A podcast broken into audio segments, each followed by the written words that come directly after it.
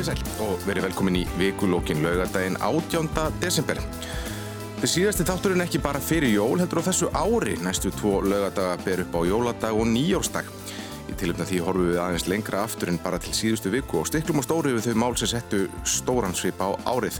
Til að aðstofa mig við það eru komin þrýr góði gestir. Það eru þau Guðmundur Stengursson, Rítumundur og nefandi í umhverfis og auðlundafræði ekki satt. Uh, Kolbrún Haldursdóttir, leikstjóri og fyrirvændi umhverfisáðura og Þorbjörg Helga Veifúsdóttir, framkvæmtastjóri Kara Connect og fyrirvændi borgarfulltrúi. Við erum hjartalega velkomin. Takk fyrir. Um, þetta verður svo litið djarskotin þáttur, skulum við segja. Við ætlum að, við ætlum að leika þetta svo litið eftir eiranu. Þannig að við sjáum hvernig það fer. Ég held að sé allavega af, af nægum málum að, að taka. Ef við förum aðeins bara yfir fréttnar í þessari viku, Ríkis lauruglustjóri líst yfir óvissu stíi, eh, almannavarna vegna lok fjórir jóð veikleikan svo kallaða, ég held fyrst að þetta var einhver rappari sem var að gera einhvern óskunda en, en, en svo nú ekki. Eh, Læknir sem grunaður um að hafa veitt lífsloka meðferð og óþörfu á helbriðstofnun Suðunisja, hann hefur verið farið til í starfi á landsbytalanum sem hefur verið umdelt. Húsleit var gerð á eimskip, tveimur sagbortningum í Guðmundar og Gerfinnsmálunu voru dæmdar hæstu bætur í Íslandsúinni.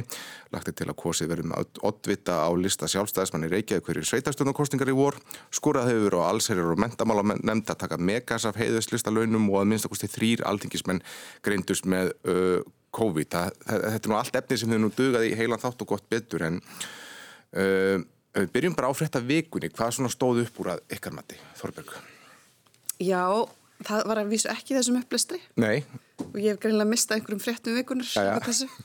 Eh, það stóð upp úr hjá mér að, að barátta fyrir hönd badna með talgalla og málþróskaröskun var leiðréttur Já. vegna þess að þetta var alveg óskiljanleg breyting á síðustu kjörtjöfumbilið sem takmarkaði aðgengi badna og bjóti mikinn skada og ég var rosalega ánað að það hefði verið fært tilbaka þó að hafa skadin hafi fyrstulega átt sér stað. Getur aðeins rest upp á minni hjá okkur sem Já, sko það, sem sagt, á síðasta kjörtjumubili þá var ákveðið að talmennafræðingar með uh, minna en tveggja ára reynslu í starfi mættu ekki þjónu börnum sem væru með sko verulega skerta málþróska mm. eða talgalla og það leiti til þess að sjálfstafstarfandi stjættin misti fullt af starfsmunum sem fóru þá að vinna hjá hann opera þar sem er verið að greina börn og við vitum að kerfið hallar þanga, það greina allir og greina og greina og vantar þjálfunarpartin. Já. Og mér fannst þetta, þessi tótt vera svo réttur vegna þess að þetta er ekki bara í þessu talþjónustu umhverfið, þetta er í öllu kerfinu, svona meingalli sem er fastur í greiningar átt í staðan fyrir að þjálfa. Mm. Og ég er svona vona að ríkistjórnin hafi, þetta var, var mjög fín stjórnarandstæði í smáli en Þorbjörg Sigurður var sérstaklega hörð og hérna það var loksins einhvern veginn hlustað á díteiluna í málinu. Þetta er svona típist svona díteila-mál sem að enginn setur sér inn í en er alveg svona skekkir alla mynd Já. og hérna þetta, þetta er svona meinsamt í systeminu hjá okkur í kerfinu. Mm. En framfara mál í vikunni? Framfara mál og með að við allt þetta bröld í byrjun þessara ríkistjórna sem ég fannst ekki vera mjög kátt og að því að ég er með svona minni af kjarvalstöðum við ákveði meirluta sem var settu saman í borginni að þá fannst mér illa valið að fara á kjarvalstaði og hérna mér fannst svona vantapínu gleðina í þessari nýju ríkistjórn mm. en ég var ánað að sjá að þau eru allavega að hreinsa hans upp Já. og vonandi vonandi gengur þetta vel og vonandi stendur stjórnarnanstafan sig áfram í að passa svona hluti. Mm. Kolbrún, hvað fannst þið að vera frétta málvíkunar? Sko það sem ég ætlaði að nefna, það er líka svona kerfislegt eins og Þorbjörg er að ræða, en það eru breytingar þenni stjórnaræðinu mm. og ég get algjörlega tekið undir það að gleðina vandaði nú svolítið í ríkistjórnina og á kærlustöðum en það er auðvitað skiljanlegt ég menna þessar átta vikur sem voru þarna á, gengnar á undan, ég menna með, með talningaruglið í norðvestur yfir sér og allt þetta, að það var nú svo sem ekkit kannski ástæða fyrir þau til að vera rosalega kátt mm -hmm. og ég hugsa að það hafi án þess að ég viti það, hugsa að það hafi tekið alveg rosalega á þetta samtal innan, uh, innanvert mill þessari þryggja formana þessari þryggja stjórnaflokka að ná lendingu í þessar breytingar á stjórnaræðinu. Já. Og nú er ég þeirra skoðunar að breytingar á stjórnaræðinu séu að finna góða, almennt. Uh, ég hef sjálf sem bara fórustu kona í, í, í menningargeiranum verið að eiga við mjög svona uh, brokkgenga og brogaða stjórnsýsli í listum og menningu mm. og bandarlegisneska listamann hefur kallað eftir því alveg frá því 2014 að menningamálraðuniti verði skilið frá skólamálraðunitinu þannig að ég er búin að fara í gegnum alls konar umræðu varðandi þetta.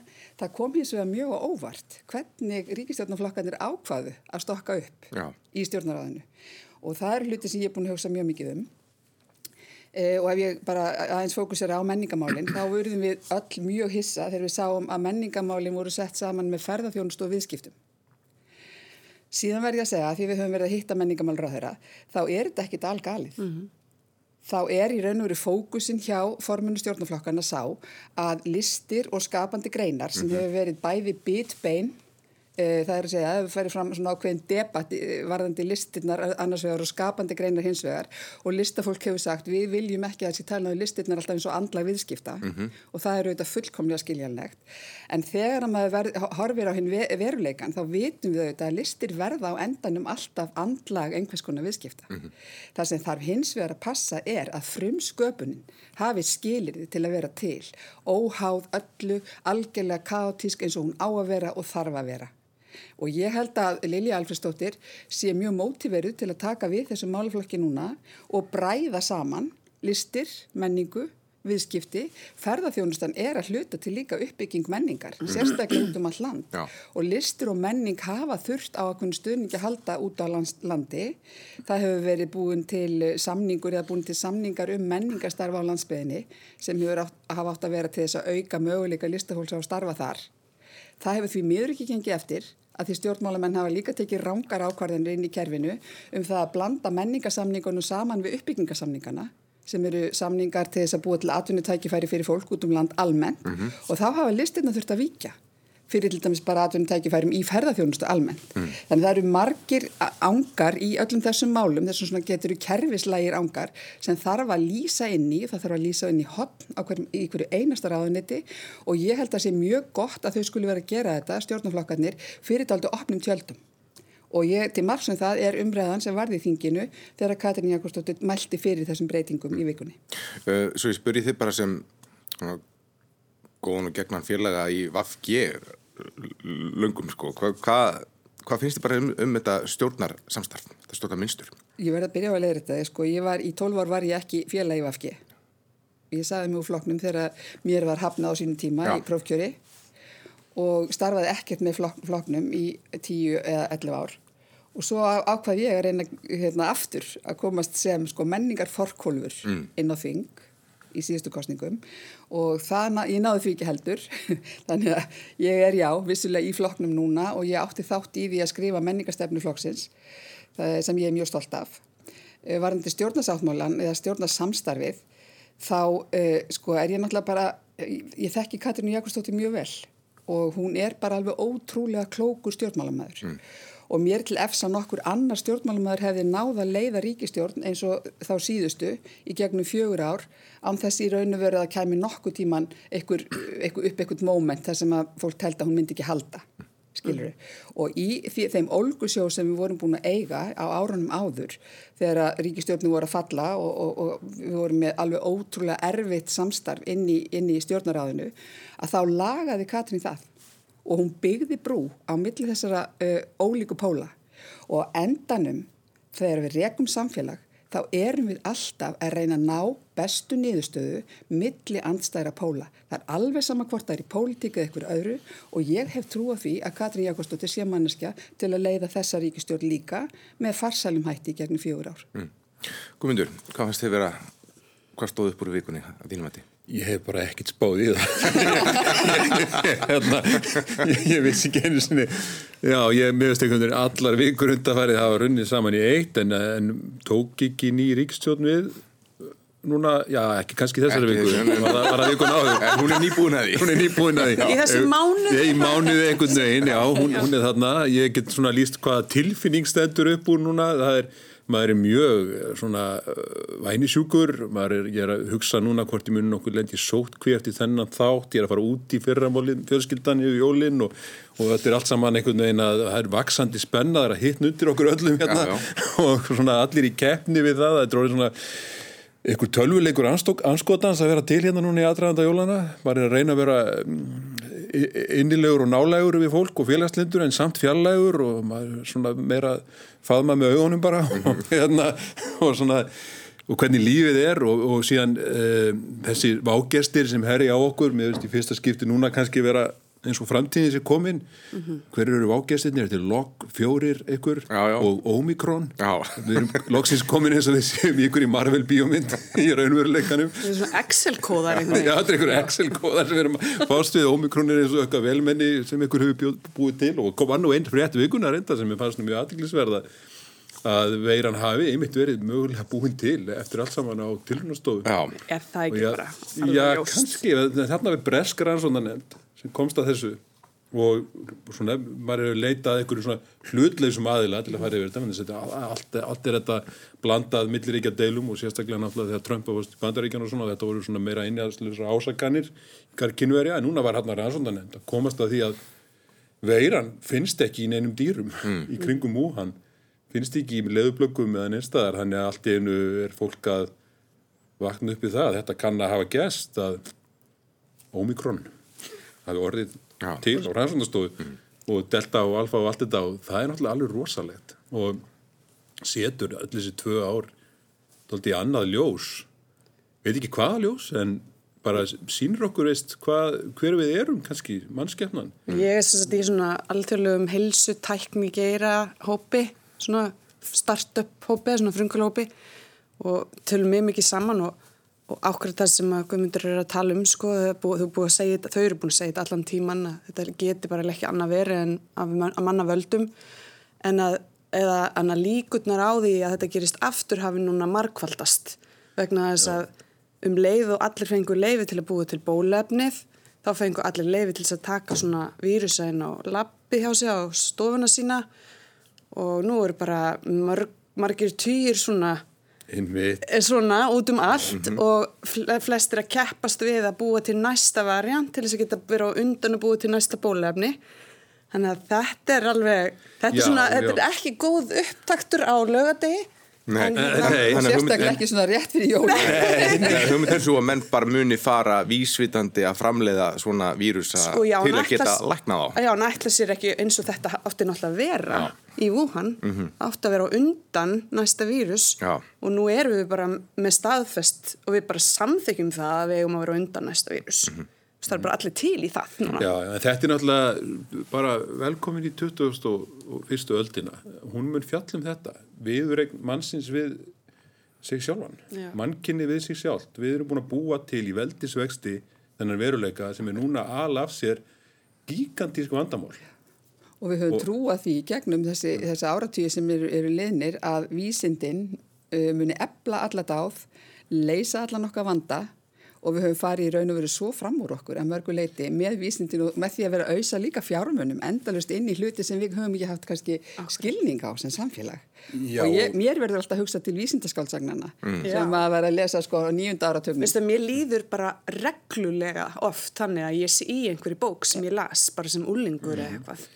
Ég bara að- mjög oft Ég held að það sé að gerast, við erum fram að nefa okkur núna, við erum að bara fara inn í þann veruleika. Já. Sérstaklega líka þessi tö- tölvuvírus sem að auðvitað enginn skilur, ekki ég allavega, en svona, veist, þetta er eitthvað svona sem er uh, í raun og veru hérna fáum við einsinn í það hvað verður ein mesta hættan og er orðin náttúrulega að, og, og verður byrtingamind á, á hernaðarumsviðum framtíðarinnar, viðregnum þjóðana og allt það skipulag að það verður farið inn í innviði og þeim rústaði í getnum tölvukerfin og, og einhvern tíma kannski rennur upp einhvers konar dómstæður þar sem öll okkar gögn verða ofinber og allir sjá uh, uh, hérna, leitarsögu Já. hvers annars hvenar tala hann við þennan á Messenger síðast? Já, já. En Ég, ég er nú líka í þessum öryggismálum út af þegar maður er með heilsutakni fyrirtæki þá skiptir þetta allt mjög miklu máli og það er mjög fyndið hvernig sveitufélag og Íslandska ríkið og persónuvendur öll með mjög miklar kröfur á okkur. En ríkið sjálft er líklega veikasti hlekkurinn í keðjunni. Að rík, Íslenska ríkið hefur ekki sett neitt pening í tíu ára í að taka á þessum öryggismálum. Og þetta er ekkert eitthvað skemmtilegt umræðefni en þetta er risastórt mál. Já. og þegar það er komið eitthvað svona viðvörun frá ríkislauglustjóra að þá reyfist samt ekki neitt hjá henni ofinbera með þetta mál þetta er bara en, en við hérna litlu kallarnir þurfum að fylla öll hérna skilirðin mm. en stóru málin er umlega ekki það er allt mjög gamalt og, og ég veit að umrættur virtur hvortstráðara hefur ágjur af þessu en það er, það er hvergi fjárlögum öryggismál hins ofinbera mm. liður Nei, og svo getur heimfært þetta líka upp á lofslagsmálinu þetta, veist hérna, menna það er búið að taka tíu ára að vekja fólk, ríkistjórnir, kerfið til umhversunar og auðvitað var rásendan í Glasgow Já. vombriði þegar kemur að þessu, menna þetta er náttúrulega bara ég hlakka til að sjá hérna gamamynd sem er að koma út með Leonardo DiCaprio og Meryl Streep, hún kemur á Netflix á aðfangadag og hérna um að Lofsteinn nálgast jörðina, það var tveir vísdamenn búin að komast að því að það er Lofsteinn að koma, hann er bara að koma Já. en uh, það trúir þeim enginn. Nei, nei, nei. Þarna, þetta, er- ég, hún fær ekkert sérstaklega góð að dóma þessi mynd en Nei. ég heldur sér góð. Hún er, hún er alltaf bara, veist, hún er að lýsa þessu. Já. það er bara heyra- lofsteinar á leiðinni. Mér Ekki, heyra í kolbruna mér finnst hérna orð ársins vera bla bla bla. Já, já mér, finnst, mér fannst þetta svo fáránlega flott hjá henni. Bara og, þetta ásó við allstaðar ennþá og hún, hún er bara svo spott og hún greita og ég veit ekki hvað henn, þér finnst um hvað ríkistjórnin er að gera hér eða heimurinn ég.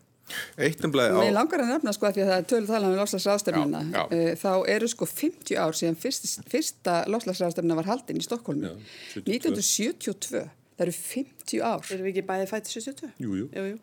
Og, Við erum að verða Við 50 þá. við erum vist að vera 50 næsta ári. Og þá var sko sett saman þessi stóra vísindanemnd sem að síðan er að tala inn í stjórn, stjórn, stjórnmála umhverfið allar götur síðan. Og sjálfsagt ég lofslagsráðstefnuna stóru í Suður Afríku 2002 og það var alveg, sko mér finnst sko að, hvað er það mörg ár síðan það var? 20 ár og það að horfa núna á það sem var að gerast í Glasgow mér finnst það bara algjör endurtekning af því sem var að gerast í 20 árum. Og þess vegna sk- sko, skelfir það mann alveg hróðalega hvað stjórnmálin eru ótrúlega sein að bregðast við því sem þegar er vitað. Og þarna var vísindanemn saminuðu þjóðana á þessum árum, um það byrð þúsund vísindamenn búinur að komast að þeirri niðurstöðu sem við erum núna súpa segðið af í dag.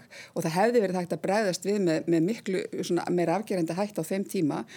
værum við ekki í þessari súpu sem við erum í akkurat núna en það er einhvern veginn trúð enginn, það er eins og með lofsteinin. Í, í stjórnarsáttmála núna þá er kveðið á um það að það er ja, ekki að leita að ólíu við Ísland og þetta er eitthvað, þetta er hugmynd sem þú laðið fram 2009 og, og það hafi verið laða líkur á því að það hefði gert út af þinn þingferil á, á sínum tíma. Uh, núna er þetta orðið, nú er þetta komið í stjórnarsáttmála með sjálfstæðinsflokki og framsvonarflokki og þetta þykir næstu í hálkák.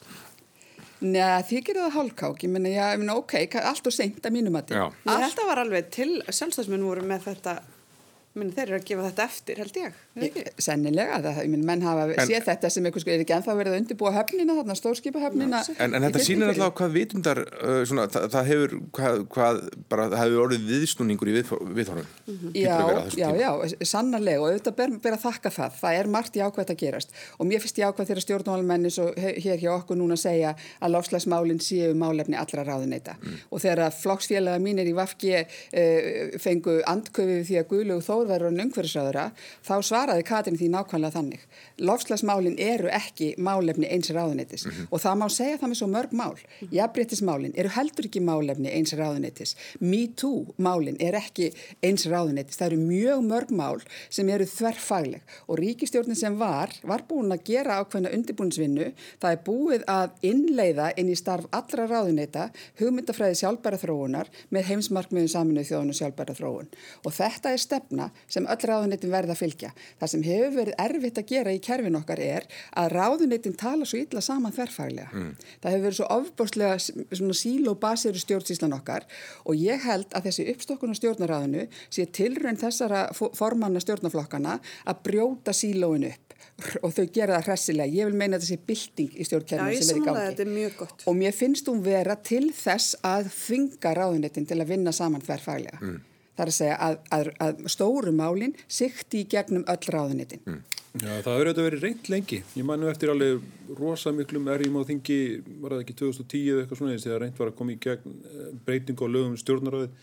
Þannig að, veist, til dæmis embætsmenn var hægt að færa þá til auðveld, auðveldar og milli ráðunita og svona, sem er mjög sjálfsætt, með þess að ég að líta á stjórnaráði bara sem eina heild og reyna að hafa miklu meiri sveianleika í, í því hvað, veist, hvað, hvað starfskraftarnir eru notaður á hverjum tíma eftir áherslum ríkstjórnar. Þannig að, veist, ég held að kannski sé þetta þessi viðleitni ríkistjóðunar núna er inn í þá þróun mm. að reyna, reyna að brjóta það allt saman upp og það er fínt og svo, svo maður reynir nú kannski að sveia umræðin henni hérna yfir og jákvæðar í brautir sko út frá, út frá okkar lofsteinatali og tölvu hörmungum og, og lofstasmálum og allt þetta sko að þá er alveg rétt að, að hérna við erum að horfast í augu við okkar eigin getu, mannkinni, vísindin, allt saman og eitt annað orð ásins og kannski síðust tveikja ára, veldisvöxtur. Mm -hmm. og allt er þetta vaksa alveg gríðarlega hratt og því hefur verið spáð og minna, það er gerfið greint handa á hodni sem við skiljum ekkert í og, og getur orðið til ykkur tölvur sem bara stjórna okkur á endanum og alls konar svona.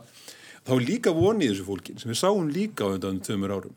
Mannkinni vinnur rosa hratt það getur orðið veldisvöxtur líka í umhverfisvætningu það sjáum við til dæmis í að því að við erum að umbreyta okkar samgöngu fara yfir í, yfir í vistvænar samgöngur miklu hraðar en við sáum fyrir, við erum að rafbíla væða okkar, okkar bílaflota miklu hraðar og það getur orðið það getur orðið svona algjör pólskipti líka í jákvæðarátti mm. og í því fælst von og við sáum það líka í þróum bóluefnisins ja. mótiverunni, ég menna þar var ferli sem áður tók mörg mörg ár, mm -hmm. tók, tók nokkra mánuði núna, mm. þannig að það er líka von í þessu en, en eftirstendur auðvitað samt að tímaði gríðarlega dramatísk Já. Ég tek alveg undir þetta og ég svona eigi líka þó von, við höfum bara rætt hérna í tíu ár málumni helbriðis, helbriðismála okkar og hvernig það er veldisvöxtur í kostnaði veldisvöxtur í aldurspil eða hvað við erum orðið gömul og svona með og við erum einhvern veginn ráðfróta en með þessari stafrannu tækni og með þessum breytingum á samfélaginu og í rauninni byltingunni sem COVID hefur sínt okkur hvað er hægt að gera þá er hægt að fara í sambarlegar breytingar eins og kolbruna að lýsa stjórnaráðinu í helbriðismálum. Mm. Það má fara að rjúfa þessi síló í helbriðismálum og ég tek aftur bara dæmið í upphafi að, að, að fjölskylda með barn sem er hérna, með alls konar kvilla og vanda þurfi að berjast við sveitafélag, skóla, mentamlaráðandi, félagsmlaráðandi, domsmlaráðandi Þetta er náttúrulega bara ekki í bóði lengur með stafrænu umhverfi. Þetta þarf bara að leysa og við um að létta af og það er kannski það sem er sakna í þessum breytingum hjá stjórnaráðinu að þetta sé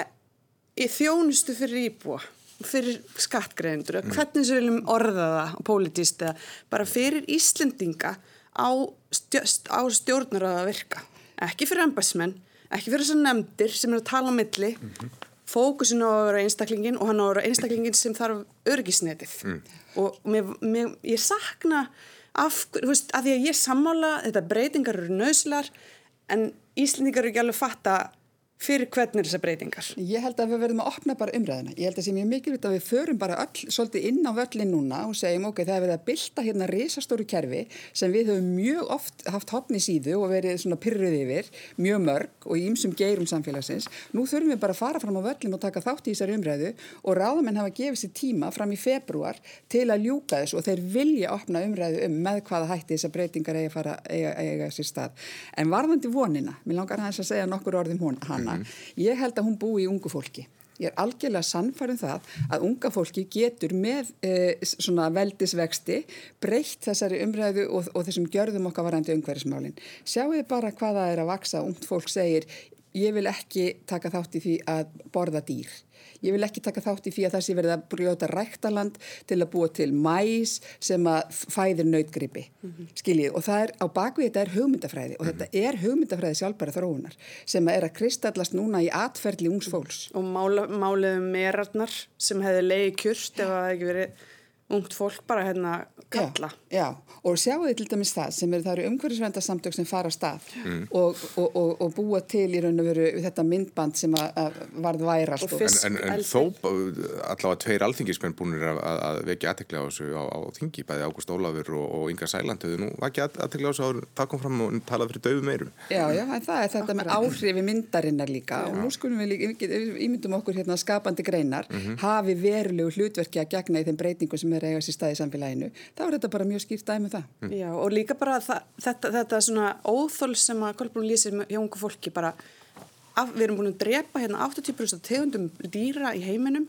og svo höldum við bara áfram að ræða hvernig rjúputímubilið er eða þú veist, hvað má við að marga fiska og allt þetta, það, það vantar alveg svona næsta level af samtali fyrir þessa eldri já, sem fyrir að fara að láta af þessum. En það er ekki alveg sko, skipta þessi yngri og eldri en það er sko stegi opna fyrir það að það er ungt fólk á öllum aldri sem að... Við erum til dæmis bara ennþá mjög ungt. Já, við erum mjög ungt, nákvæmlega. Við, hérna, við erum með lesgleru kannski en við erum ekki, við erum ekki með lesgleru sko, í keðju um hálsin Nei, Þa, ef við, við myndum gera það þá erum við gömul um, Nei, það er rétt, það er rétt en, en það er alltaf byltingakraftur í krökkunum, það er það sko. Sjálfsögðu, ef hann væri ekki þá myndi ég hafa Nei, miklu meiri ágjur Og MeToo-bylgjan er í þessum ungu konum á Twitter sko, það er bara það. Og það er unga fólki okkar sem hefur rutt bröðina fyrir okkur til að tala um öll kynin og breyta umræðinu um kyn þannig að nú er kyn að verða svona non-issue. Þú veist, það, bara, það er bara mörg kyn.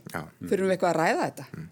Ef við, við vorum að koma að viðtækjunum þá erum við að hlusta á veikulokkin gæsti mín eru Þorberg Helga Veifúsdóttir, Kolbrún Haldursdóttir og Guðmundur Stengrimsson eins og Guðmundur kom inn á þann þá hefur þetta er svolítið endur tekið ástand sem við erum upplifað núna. Það er smá kvíði fyrir því hvort maður sé að lenda í sótt kvíð og það svona og um, hann hefur kannski mildast þessi kvíði með bólusetningunni.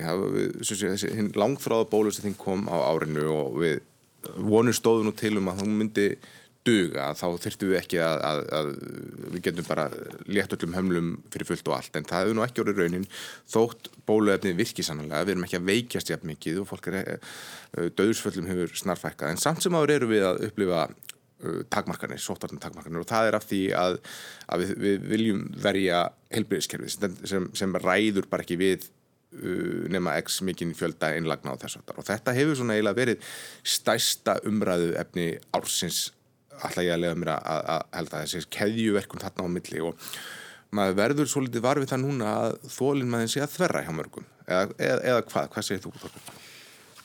Sko ég finn hérna, ég finn fyrir miklu me, ekki beint að þú veist, fyrir reglunum sé að minka, heldur meira fólk er bara pínu svona eins og hafa verið kilt í magan mm. núna, bara ok, hérna góði fréttnar er að bústerinn er að halda mm -hmm. en manni líður pínu eins og Omikron, það, það var í blæðin í morgun bara Omikron, Íslandi er búin að tryggja sér Omikron bólöfni og það, það er þetta þessi, þessi eiginlega bara sem að Guðmundur byrjaði á, bara þessi sín þessi breytta veröld til þess að sem er svona alltaf dawning on everyone ja. veist það bara, ok, við erum bara inn í þessu og, og hérna, við setjum nú saman í þjóðleikusráðu, þetta, þetta er bara þetta er bara einhver nýr heimur sem við veitum ekki hvernig erum að tækla og fólk er mjög þreytt og sér fram á að þetta sé bara ekki að fara að breytast sinns betra. Og þetta er svona maður er manns gaman sem mér finnst erfiðast held ég. Að fólk er bara svona heyrðu býtu hvar eru jólinn mín? Og næsta ári eru þau bara svona aftur og mér finnst þess að það sé miklu meira. Og svo þegar maður fylgist með samtalenu úti um hvað að gerast og þá þá bara eru allir vísindamenninni bara, við veitum ekkit um Omikron að því að það er allir bólusettur, við veitum ekki hvort hans er raunverulega skadvaldur eða ekki, þannig að við veitum það ekkit fyrir í lók januar og veist, þessi fréttir eru aldrei góðar, mm -hmm. veist, ég held að það sé svona... Ég hafi ekki fréttir verið á þá leið að Omikron sé virðist vera frekar væðar Við veitum það sérstaklega ekki. Nei. Þeir, að því að það er svo margi bólusettir, þeir þurfa að fá mikið meira massa af óbólusettum til að vera veikið til að vita. En þú veist, við hlustum á Kára og hann hann gefur okkur smá von um að þetta sé rétt þróun en ég er svona hérna, er pínu búin að vera í mínum störfum bara, þú veist, þetta voru fjögur ár svart, svart nei, hérna e, 1918 samanskavingin, þetta tók fjögur ár að fara í gegn mm -hmm. og við kannski bara, maðurinn getur kannski bara ekki dráðið við það, við, við höldum á hemmjumann en svo sko þurfum við líka að muna bara ef þetta hefði gerst 92 fyrir internetið bara fyrir internetið þá hefur þetta verið sko margfald verra, mhm. margfald, þú veist þannig að við erum á staða sem getum ráðið við eitthvað eins og guðmundur nefnir en mér líður eins og hérna fólk sé að taka því bara með frekar mikill í ró að það sé lokað en þá en þetta sé bara svona alltaf, oh, í alvöru við erum bara först. En maður hefur þetta viðhorf um, herru af hverju er allt samfélagið að loka af því að, að, því að uh, landsbytalan ræður ekki ástandið, af hverju lögum við ekki landsbytalan ástandunum og, og, og stækkum hann og eblum hann og þessu þar en þá kemur bara ljósa að það er hægara samt gert. Já, já, ég þór ekki alveg að fara inn á það svið, Nei. en ég get auðveldlega að fara inn á hitt sviði sem Þorberg er ræðum eh, talandum þjóðlíkusráð, þar situr með okkur í töndur sem ég ætla nú að leiða mér að vitni núna, Sjón Uh, hann sagði við okkur þegar við vorum að glíma við þetta ástand uh, fyrir, ári. Síð, já, fyrir ári síðan já. ástandið það, veist, það var búið að vera lokað í leikusónum mm. gríðarlegt tekjutap náttúrulega og þessi maskina sem eitt svona stórt leikus eins og þjóðleikusið er var bara sett á ís og svo á að reyna að starta henni aftur og þá kemur ný bylgja þannig að þá sagði Sigurjón að þegar hann var að skrifa Mánastein þá fór hann í rannsóknir uh, á heimsfaraldrum og þá sagði hann okkur, maður styrta þörfbjörn, það tekur heimsfaraldur að meðaltæli fjögur ára ganga yfir og við svona fengum fjólubláa díla hálsin og ákvaðum að trúa þess ekki Nei. en það virðist verið eins og þetta sé að fara að rætast og hvernig ætlum við þá að hafa þetta af geð heilsa okkar, hún þólir það ekki að við megum ekki fara í bíó við megum ekki sé óperu, við megum ekki koma saman, við megum ekki halda veistlunur okkar það bara, þetta ég skil vel að fólk sé algjörlega bugast mm -hmm. og ef við þurfum að horfa fram á þetta í tvö ári viðbót, þá er bara ríkisjóðir landana okkar, þeir bera það ekki að halda áfram að bæta til dæmis ofnbjörn menningarstofnunum það upp að það, það hefur verið bannað að setja inn áhörfundur og svo horfum við líka á það að við erum að fara í hraðpróf og það situr kannski fullu salur í Eldborgi hörpu allur með strykamerki sitt með hraðprófið. Bólusetningarnar. Bólusetningarnar, búið með bústi og allt saman þrý, þrý bólusettur. Og gríma. Þarf að vera með grímu má ekki kaupa sér veitingar í hljegi þarf að fara út í hollum undir sko heraga þið veitu, þetta er ekkert skrítið þó sem daldi búin á því, búin á því mm. En þarf einhvern veginn að tínum mati þarf að taka á þessu, þarf að útfæra einhvers konar þarf bara að, að létta Já, á, sko, á aðgerðum? ástæð, eh, hérna, það sem stjórnult hafa gert hefur alltaf verið í raunveru til skamstíma mm -hmm. nú er lausnin handa með hodnið mm -hmm. nú er aukaskamturinn, örfinaskamturinn að koma þá verður þetta í lægi, þið veitir og hvað verður það síðan næst? Þannig við erum alltaf að hugsa um þetta í litlum sprettum og ég held að það sé mjög mikilvægt talandi um að því vorum að ræða um opna umræðu áðan að stjórnvöld verða eiga miklu opnari umræðu við alla geirana heldur en þau hafa kannski gert. Sko. Þau eru búin að vera að rempast við að bjarga hlutum, slökkva elda en við þurfum að fara sennilega miklu meiri yfirvegun og miklu meira samstarfi í gegnum þetta næst. Ég er ekki vissum ég hef ráðið við það ef stjórnvöld hefur satt okkur strax í byrjunni. Jájá, þetta er það sem við ætlum að gera næstu fjögur árin. fjögur árin. Nei og þau veit ekki og ég meina, þú veist, núna kemur Omikron og, og hérna með fullri verðingu fyrir þrýjekinu ég bara dyrka hvernig stjórnunin hefur verið. Mm -hmm. en þá eru vísindamenn náttúrulega alltaf on the safe side eins og maður segir. Það, veist, þeir taka ekki áhættuna en það eru stjórnmálamenn sem gera það sem þurfa að taka þessi ákvörðin sem þú ert að vísa í að opna og taka þessi skref. Og ég sakna þess aðeins að, að sé ekki komið betra plan fyrir betri landsbytila í þessum málum svo að sé hægt að fara að gera þessi skref mm. að því að þetta gengur ekki eins og Korpun segir við verðum að geta komist og hist og það er bara okkar eðli mm. þannig að ég er alveg ég held að verði að fara að taka pólitíska ákvörðun uh, sem er mögulega aðeins öðruvís en Þórulur myndi setja hann fram.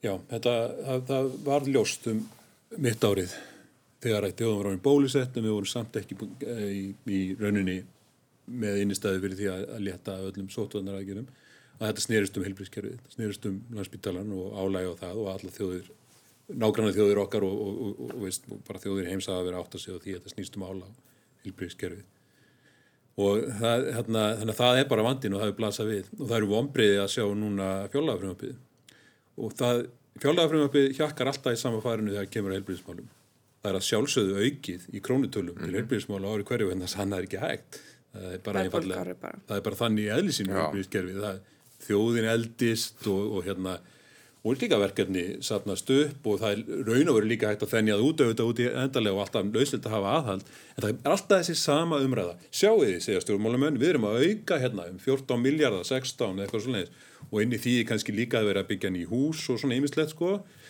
Allsbytælinn kemur á móti og segir já, takk, æðislegt, en þetta er bara ekki næstuði nú mm.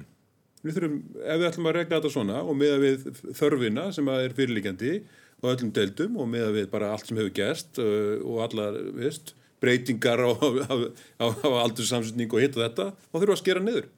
Og alltaf verður þetta einhvern veginn svona hjáróm á svar og alltaf uh, ber ríkistjórna meiri litið sér á brjóst og segir neyninni, hvaða vittlisa við erum, við erum samt að auka. Mm. Og, svona hefur hún hjakkað þessu umræða já, frá því að ég bara byrjaði að, að, að, að nema yes. þessa umræðu.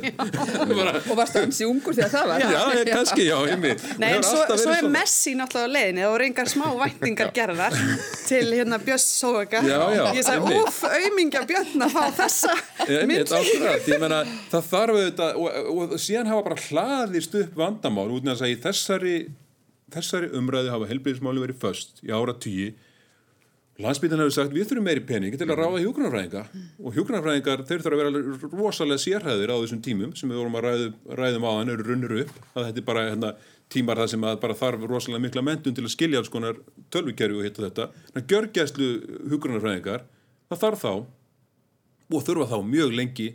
Nú höfum við þá ekki. Mm. tök fjögur ár menta þá og já, tala, fjögur ára er eitthvað törra að tala hérna þannig að eh, bara við verðum þá auðvitað að láta þetta allt saman verða okkur lærdóm um það að við verðum bara gangið þetta með þess að það er óþólandi að þurfa að láta þetta allt yfir sig ganga út af því að við hefum ekki byggt upp helbríðiskerfi sem get, getur tekist á þetta þrátt fyrir það að fólki helbríðiskerunum fósfarsmenn landsbyttalans og aðrir hafa bent á þetta um árabil. Og þetta er í stefnu stjórnvalda. Og hefur verið. Það fylgir peningar, fylgir ekki. Allt saman hins stóri leyndadómur, þetta er ekki vant að stefnuvöknum og kannski er það, kannski bara einhver ennbætsmaður, einhver staðar sem er ekki samanleysu eða eitthvað, ég veit það ekki einhvers stað strandar allt. En ég veit ekki alveg hvaða skilning maður hefur sko heldur á þessu kerfi því það er svo ótrúlega flókið og ég bara fer aftur í huganum þegar að hérna, ljósmaður átti kjaradeilu fyrir svona fjórum árum síðan og uh, hún var mjög hávær muniði og, og það vantæði ljósmaður og það var, þær voru við, við, við semst byggum við lagari kjör heldur en aðri sér, sérfræðinga sem voru mentaðir inn á spítölunum og svo gerðist eitthvað sem ég held að hafi verið bara hálfgeft kraftaverk, það var, veginn, var þessi deila leist mm. og ég, eftir, eins og ég mani þetta, þá var hún leist með því að það var sagt bara fórstjóra spítalans, nú ferð þú bara heim og leysir þetta mál mm. þannig það þýðir ekki að koma alltaf og væla í stjórnvöldum og, og sprengja svona umræðu út í hérna, þú veist, að gera almenning óanægðan og óörugan, um, að því við viljum vera örugun inn í helbriðskerfinu, við sem almenningur, hvort sem það erum við gamla fólki eða við miðaldra eða börnin okkar sem að þarf, þurfa að, að reyða sig á örugt helbriðskerfinu. Og þetta öryggi, þetta orð, öryggi, hefur farið sko fólk er ekki eins örugt út af þessu umræðu. Mm -hmm. Þú veist, það er rosa dýrkæft að það sé verið að slást svona endalust og maður treystir ekki vegna þess að koma rattir frá landsbyrjunum að þetta sé ekki nóg gott og það sé ekki nóg peningur.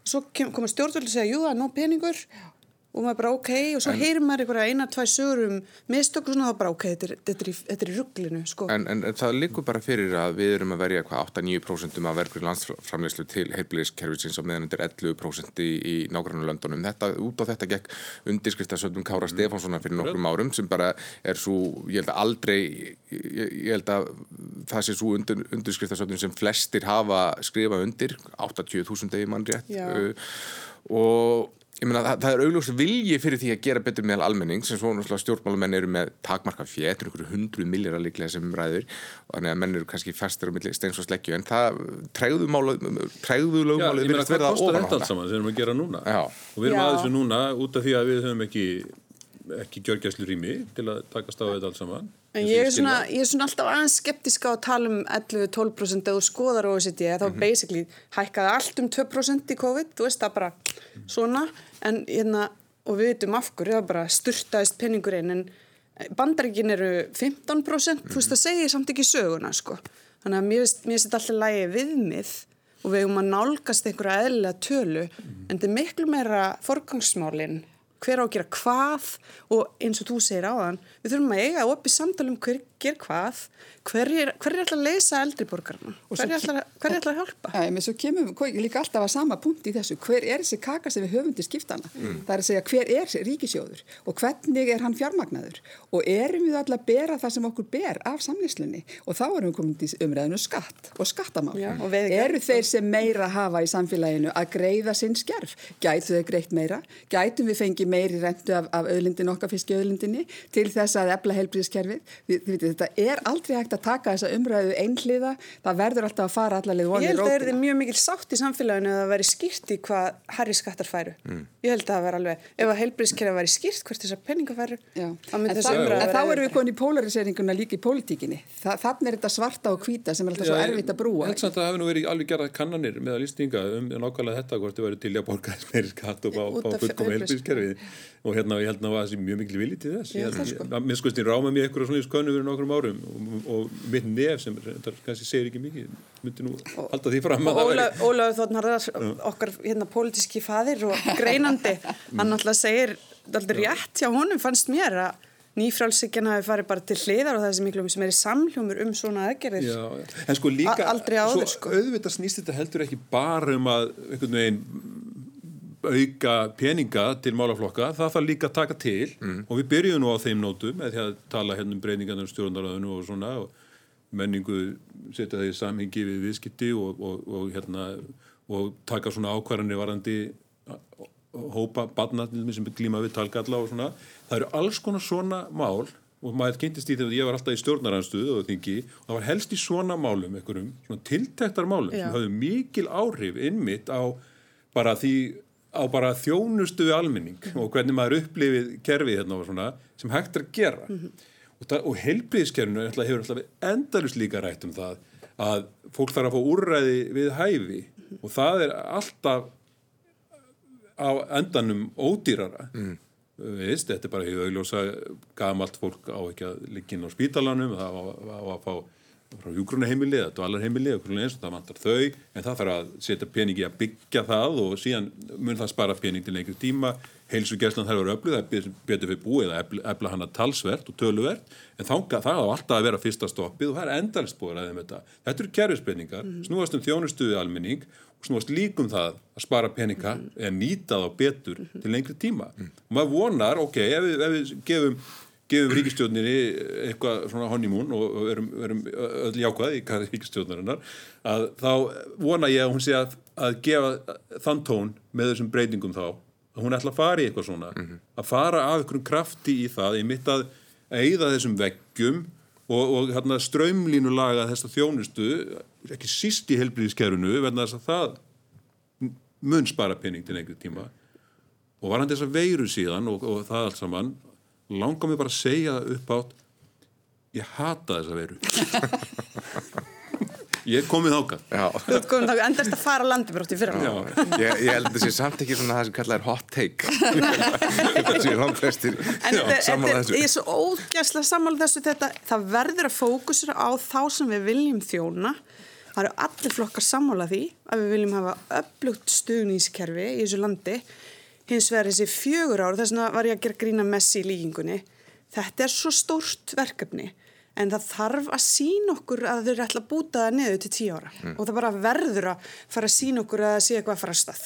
Og þá líður okkur betur en ég hérna, þetta er náttúrulega við erum búin að ræða þessa póla í þessari ríkistjórn og þú segir það er best þegar það eru svona andstæði pólar og þá kemur góð niðurstaða Eh, það oft líka tveir pólar koma með mála miðluna niðurstöðu sem er aldrei góð það, er, að það, það var verðustundu bara að taka plásturinn af gera erfiðar ákvarðanir og standa með þeim En það er annars sem við skulum horfa á í þessu sambandi. Þetta er ekki bara ríkistjórnin, þetta er nefnilega heilt alþingi og það eru 63 þingmenn kjörnir til þess að sinna þessum málum þjóðarinnar og setja þessar, þessi lög og þessar reglur og það að ná samheldni í þingið hefur nú reynst þrautin þingri hjá ríkistjórnum í gegnum tíðina.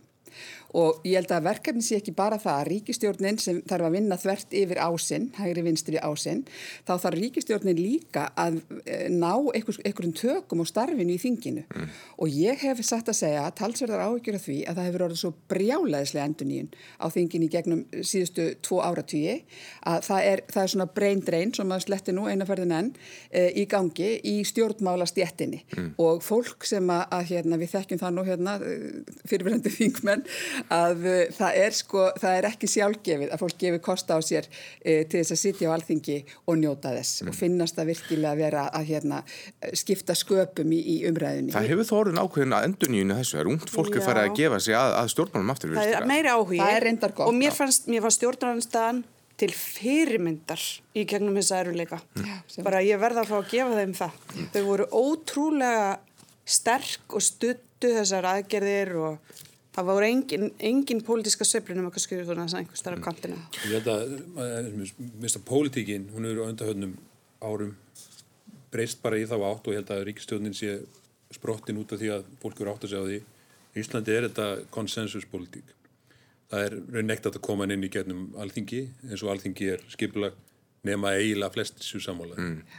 Og það er kannski allt í lagi, ég veit það ekki, en það er, gerir það ofta verkum að það er erfitt að gera umdelt, svona koma um, umdeltum málum í gegn sem að kannski breyti einhverju mjög miklu til langs tíma. Mm -hmm. Það er svona, en, veit nokkur neginn þegar á að ekki gera neitt í neinum máli þegar það talaði um að við þeim sátt þurfa mikið. Já, en raunveruleik íslenska stjórnmála er þessi, þú ferð ekki inn í alþingi með umdelt mál sem stjórnarnartöðunar á móti, en það er svo auðvelt að vera með mál þú. Mm. Það er bara fárunlega auðvelt og hérna, þannig var þínskapalöfum breytt hérna, 2007 Ráðræðnar hafa hins vegar ansi mikið vald Jú, þeir hafa vissulega vald sko en, en ég held samt að við, þessi bara ég hef með sínist ríkistjónin hún, hún er út af þessu.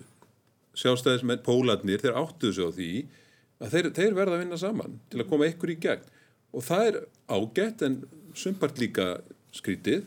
En kannski er þetta, við erum að ræða þetta er þetta kannski bara besta leiðin? Sko við erum bara sjáarþorp mm -hmm. við erum bara pínu. pínu, pínu, pínu og kannski snýst bara okkar pólitík um einmitt eins og við erum að ræða hérna núna eins og margir eru sammála mm -hmm. bara um það hvað til dæmis hvað að gera í helbíðismálum og þetta, kannski snýst þetta bara um praktísk úrlausnarefni en að koma þessu öllu í lag mm -hmm. Ég held að við séum komið í Íslands að þetta er samspil þungra kerfa mm. og lifandi umræðu já, já. og það að vera bara svolítið í kvikunni öll sömul saman þetta litla sjáarþorp ég held að það, við þurfum að læra það mm. að kerfin okkar þurfa að anda og vera eins og heill líkami alveg eins og við, hver einstaklingur þarf að anda uh, að sé súrefni og vera eins og heill líkami mm.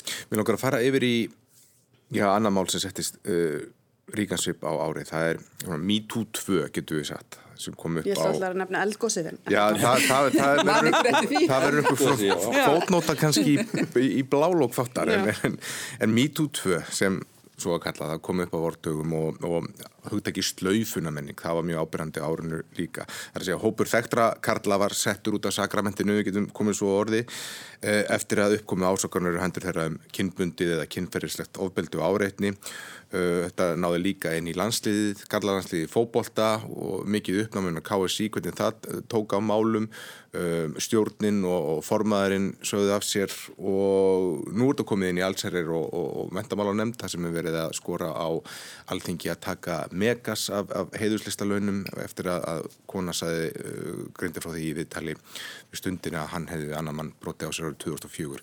Þetta er svona, við tókum þessu umræðu í MeToo og svo aftur núna hvað fannst ykkur, fannst ykkur vera munur höfðu við lært eitthvað eða eru við enn bara fyrst einhvern veginn í einhverju sömur hjólförum þegar hvað kemur svona að þessum málflöki Ég verði að segja, ég var alveg ótrúlega erfitt með að fara inn í þessa umræðu einaferðin en mm. ég var náttúrulega mjög ábyrgandi í þessari umræðu á sínum tíma mm -hmm. og það tók mjög á mig bara persónulega að þurfa að gera það uh, ég meni ég gerir 1989 þættina um meina það sem að væri verið að hefja og opna inn í afkýma sem að enginn vildi kíkja inn í í samfélaginu. Uh, ég var náttúrulega virk þegar stígamót er að byrja og ég var virk í fyrir MeToo-bylgjunni og ég tók þátt í að segja píkusögur með alþingiskonum og, og fleira, fleira skiljið. Þannig að mér finnst ég svolítið bara búið með hennan kabla. Já. Þannig ég fæ alveg ofbáslegan hérslátt yfir þessu öllu saman. En það sem mér finnst á endanum vera að gerast, það er verið að breyta aldagamalli menningu og aldagömlu ójafvægi í samskiptum kynjana. Og það tekur alveg rosalega á og með þeim í ákveðu breytingum sem ég vona að verði í kjölfarið þá kemur upp alveg ótrúlega mikil sori ofbóstlega mikill sársauki og ofbóstlega þungmál sem að við getum illa farið í gegnum með því að vera horfalda í baksínspegirin. Ég held að eina leiðin út úr þessum erfiðum málum sé að horfa fram á veginn og fara aldrei aftur í þá hegðun sem hefur viðgengist uh, frá köllum lang, langmæstu leiti mm. yfir til kvennaskiliði. Ofbeldis menningu verður að linna. En hvað þá um það svona með að já, þeir sem gerendur sem gerðu eitthvað á undanförnum árum, áratugum jafnvel, að að þeir taki þá ekki afleggingu gjörða sína? Já, mér finnst dæmis mjög erfitt að tala sko ekki um konur mm. sem verða fyrir ofbeldi sem gerendur því það er konur sem koma fram með, með sitt líf og leggja það uh, á, á borð fyrir hóp eða alþjóð, þær eru sannarlega gerendur í sínu lífi. Mm. Því veitum, ég finnst líka polariserningin í þessari umræði verið erfið. Og mér finnst líka umræðan um gerendur, hún er rétt svona hefjast, þetta er algjörlega undir, þetta er Þetta er, þetta er bylting mm -hmm. og bylting á það til að það verði einhverjir undir fyrir vagninum og það er stundum ógislega erfitt og sást í kringum fjölskyldur og vini og sumir sleppa, veist, þetta er bara alls konar en hún verður að eiga sér stað og annars hreyfist við ekkert áfram. Og hérna sásökin sem að þessari setnibilgju var miklu meiri og miklu fleiri konur sem sögðu söguna sína sem voru ekki eins og ég og Kolbrún með eitthvað bakland. Mm -hmm. þetta voru, þið munið, þetta voru svona hópar fyrst af konum sem stóðu saman í ákveðnum stjættum en núna er að koma konur sem eru bara alls ekki í neinum stjættum og eru bara að segja sína sögu mjög grafíst og, og ég veit að það er net af öðrum konum sem hefur beint samband við þær og spyr hvort þær þurfi hjálp. Og það er ótrúlega fallegt að það sé verið að hjálpa þeim. En umræðanum gerendur finnst mér vera og nú kannski hljóma ég eins og eitthvað hróki en ég meina þessar konur eru búin að vera í sársöka í tíu árastundum bara gríðarlega um svo sko, þeirra, þeirra lífi búið að vera ónýtt í tíu ára og við erum samt rosa mikið að tala um eh, auðmingjans mennina. Hvernig þeim líður Hvernig þeim líður núna. Já. Og ég, ég vil ekki að það gleymist, veist, þessar konur eru að koma, eru búin að sitta heima hjá sér og bara þóri ekki að fara á ákveðna staði, þóri ekki að tala við ákveðna menn og, og eru bara með svona áfallastreitur öskun, allt sitt líf og við erum daldi byrjuð að fara að ræða um hvernig niður að leysa úr hjá þeim. Og það er bara fínt, gott og vel. En við skulum ekki gleyma þessum konum og, og ekki dirfast þess að trúa þeim ekki. Bara þessar konur koma aldrei fram með þessu sugur nema þessu sannar. Það er bara algjörst fakt.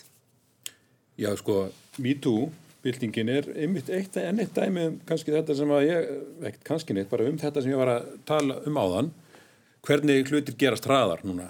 Þetta er gríðarlega bylting og, hérna, og eigum mér von um að fleiri slíkar byltingar geti átt sér stað. Það er búið að taka sanskipti kynjana og, og það gerist rosalega hratt og er auðvitað enna að gerast og bara leiðrætta þessi sanskipti.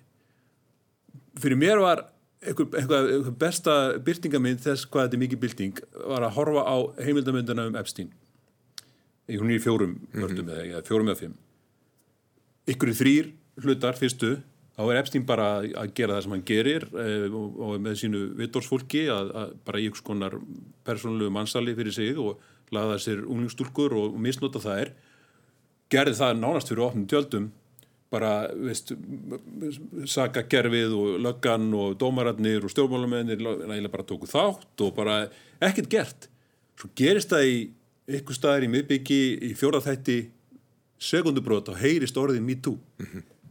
bara þetta tweet kemur mm -hmm. og það breytist allt breytist allt mm -hmm. bara í, í einu vettvangi fyrir Epstein og hann er bara, það fara allir að stað og hann er, hann er tekin og hann er loks, og loksins sko rétta yfir honum og hann fær þau magluðu málagjöld sem hann átti alltaf að fá og hefði aldrei fengið nema fyrir þessa byltingu hvernig er ekki, menn að auðvitað fögnu við þessu, hvað hefðu við viljað að Epstein hefði bara haldið áfram og væri bara ennþá að þessu? Og ef þessi bylting hefði ekki átt sér stað þá hefði það bara gæst mm. og fyrir mjög marga aðra og Weinstein og, og allt þetta. Meina, vist, við verðum bara hérna bara, og síðan hefur maður líka séð að þessi bylting hefur leitt yfir í rosalega stóra breytingar á allir umræðin og allt saman uh, eins og bara bíómyndundar til dæmis, skapandi greinar núna er ekkert gerð marvelmynd öðruvísin að það sé bara mjög sterk kvennhetja að það er í, það er í forgrunni til dæmis.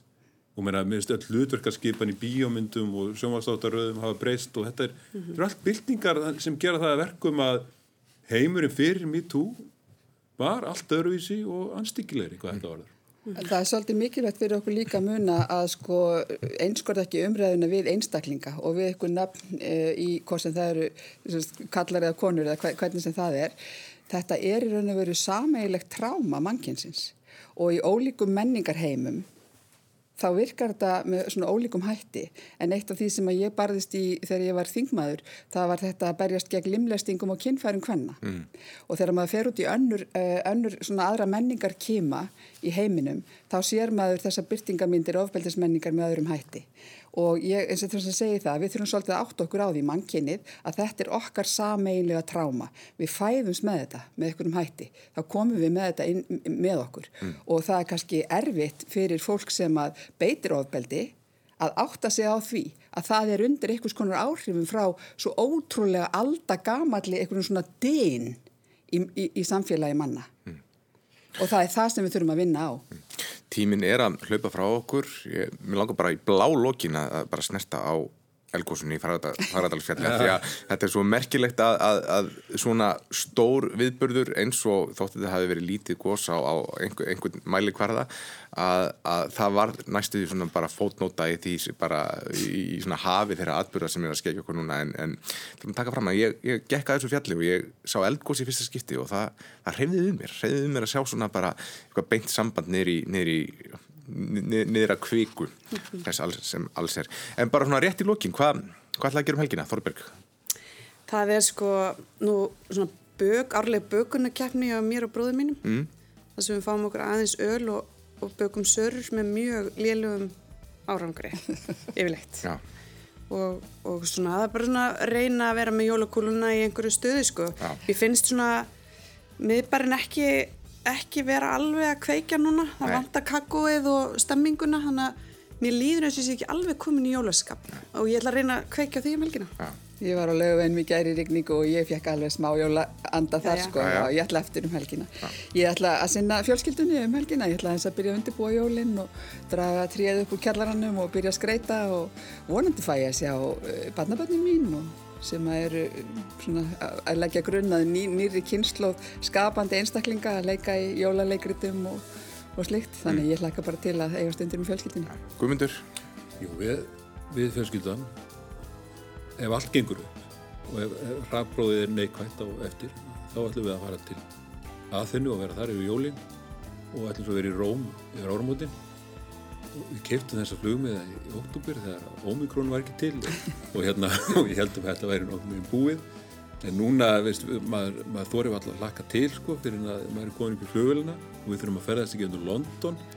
Það verður svona einhvers konar tölvuleikur í mitt. Að reyna, reyna að forðast, forðast fólk og, og hérna, en, en það verður ferlega gaman og ég hlakka mikið til og vonandi gengur það allt saman vel þegar við við komumst til aðþennu vonandi á mánundaginn og að njóta lífsins þar og upplifa jólastemmingu þar.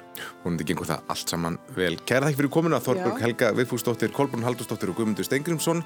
Uh, við Sigriður Dögg Auðunsdóttir verðum hér í vikulokkorum aftur á nýju ári. Fanga til, verið sæl. Gleðileg hátíð. Gleðileg hátíð.